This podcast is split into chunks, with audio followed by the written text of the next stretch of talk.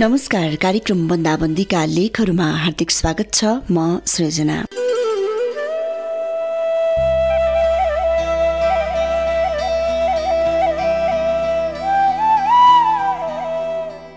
जहाँ बसियो त्यही रमाइलो जस्तो बाँचियो त्यही उत्कृष्ट र जस्तो सोचियो त्यही नै सही।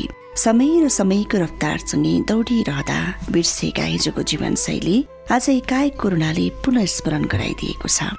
फेरि हिजोलाई आज गराइदिएको छ। आजको बन्दाबन्दीका लेखहरूमा लामो प्रतीक्षापछि फर्किएको खुसीको कथा।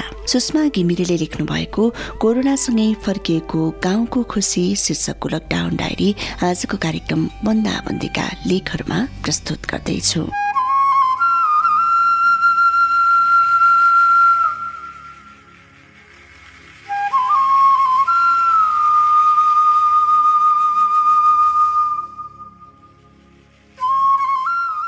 लामा सलक्क परेका डाँडा उल्लो पल्लो पाखो खोज थुम्कामा थुप्प थुप्प परेका बस्ती।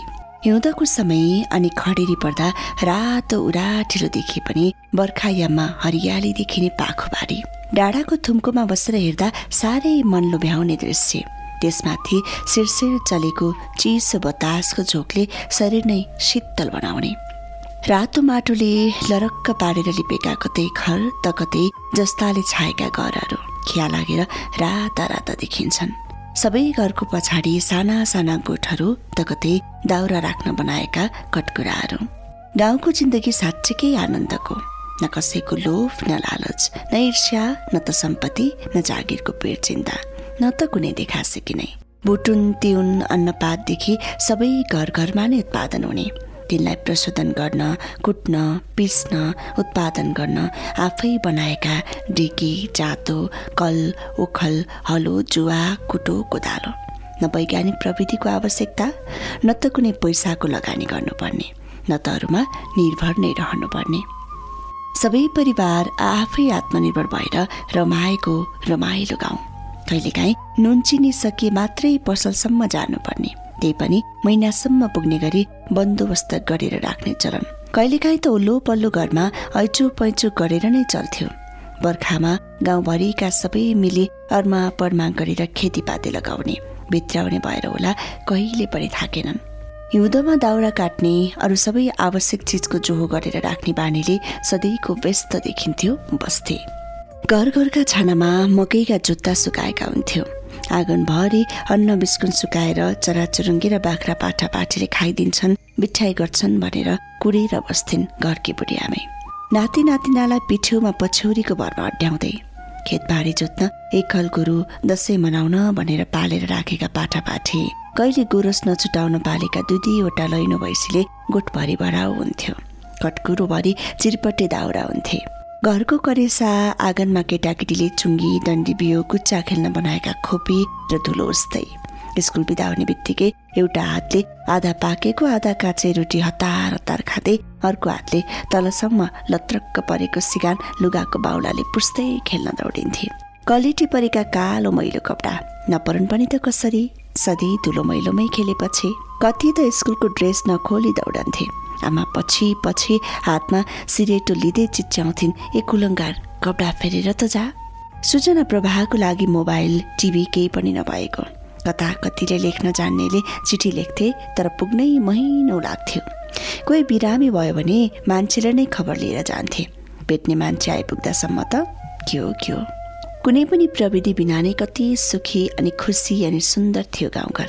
आपसी सहयोग मेलमेलाप भन्नै परेन। चार पाँच घरहरू फाट फुट्ट भए तापनि केटाकेटीको चिच्चाइ गाई भैँसीको कराई चराचुरुङ्गीको चिरबिर चिरबिर आवाजले गुन्जिरहन्थ्यो गाउँ। तर आज मानिसका सीमित इच्छा रहर र उत्सुकताले गर्दा मानिसहरू गाउँदेखि सहर सहरदेखि परदेश पलायन हुन थाले। जसरी गुडका बछेराहरू पखेरा पलाएपछि रात दिन आहारा खोजेर खुवाउने बाबुआमा अनि त्यो गुडलाई छोडेर उडेर विचित्र संसारमा हराउँछन् त्यसरी नै मानिस पनि आफ्नो गाउँलाई छाडेर हराउन थाले। कति रहरले त कति बाध्यताले कति सुन्दर भविष्यको कल्पनाले जसरी छाडे पनि आखिर गाउँलाई रित्तो अनि खाली बनाएर नै गए। अहिले आएर केटाकेटी र बुढा भएका बाबा मात्र गाउँमा रहे। तन्न बालीले भरि भराउ बकारे मकैको जुत्तोले भरिने बलिन खाली हुँदै गए। दिके जातोमा धमिरोले घर बनाए। पाखो बारीमा पनि बनमासा र वंशले ढाक्यो। घाँस काटेर हाल्न नसकेपछि गोठका बाख्रा भैँसी पनि बेच्नुपर्ने स्थिति आयो। परिवार गोठहरू पनि रित्तै भए। आँगनमा पोखिएको मकैका दाना खान नपाएपछि परेवा पनि बसायो सर्यो गौथलीले माटो बोकेर घर बनाउन छोड्यो। कमिलाका तातीहरू कता हराए कता? करेसा र आँगनमा बनाएका खोपीहरू पुरिँदै गए। बिस्कुन सुकाउने बाख्राका पाठा पाठी उफ्रने केटाकेटी खेल्ने आँगनलाई मोथेले ढाक्यो सबैको आवाज गुन्जने गाउँमा सन्नाटा छाएर कोइलीको एकहोरो कुहु कुहु आवाज मात्रै सुनिन थाल्यो। पर पर घरका छानाबाट धुवाको मुस्टो बुङबुङती पुत्ताएको देखिन्छ। बुढी भएकी आमैले दाउरा चिर्न नसकेर होला कि दाउरो राख्ने कुटकुरो चोइने हुनाले भएर होला? धुवा मात्रै देखिन्छ।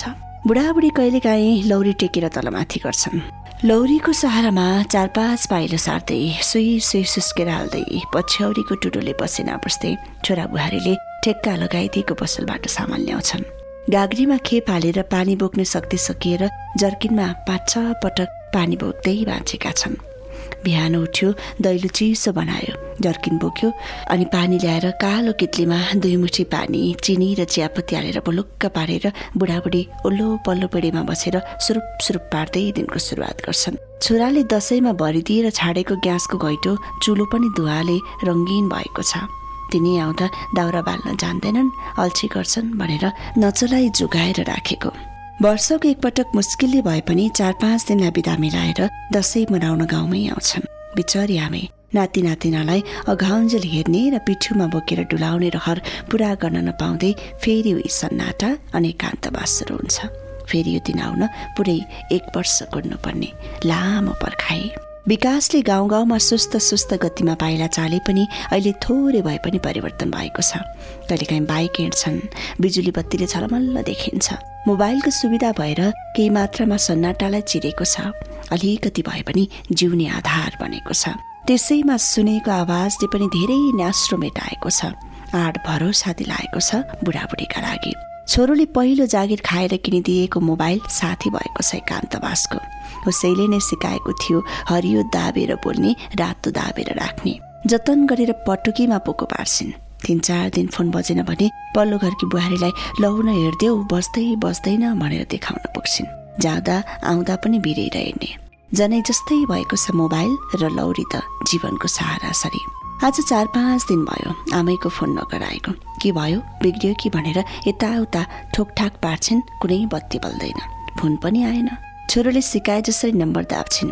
कानको नजिकै लगेर हेलो हेलो गर्छिन्। केटी मान्छेको आवाज सुनेर सधैँ छोरोले उठाउने फोन आज बुहारीले उठाइछ भन्दै नानी सन्चै छौ? किन फोन पनि गरिनौ?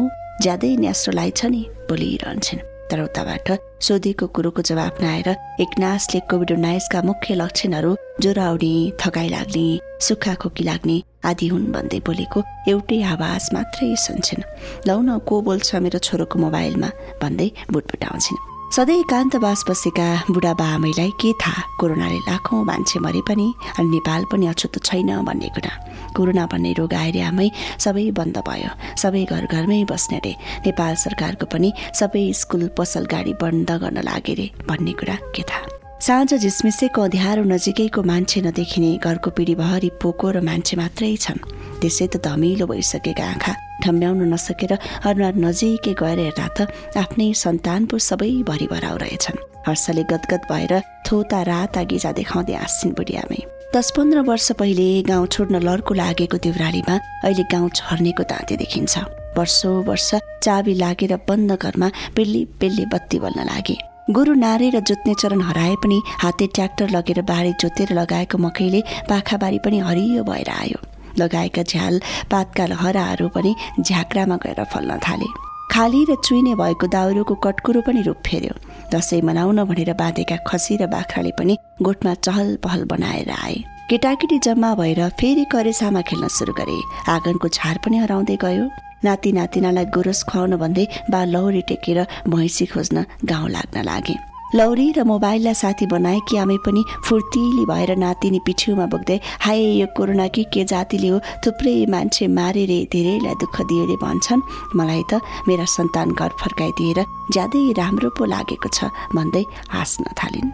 अनुहारमा झन मुजा पार्दै पार्दै लौरी बिना नै खुसी हुँदै ओल्लो पल्लो घर आजभोलि बुढी आमै डुल्न थालेकी छिन्।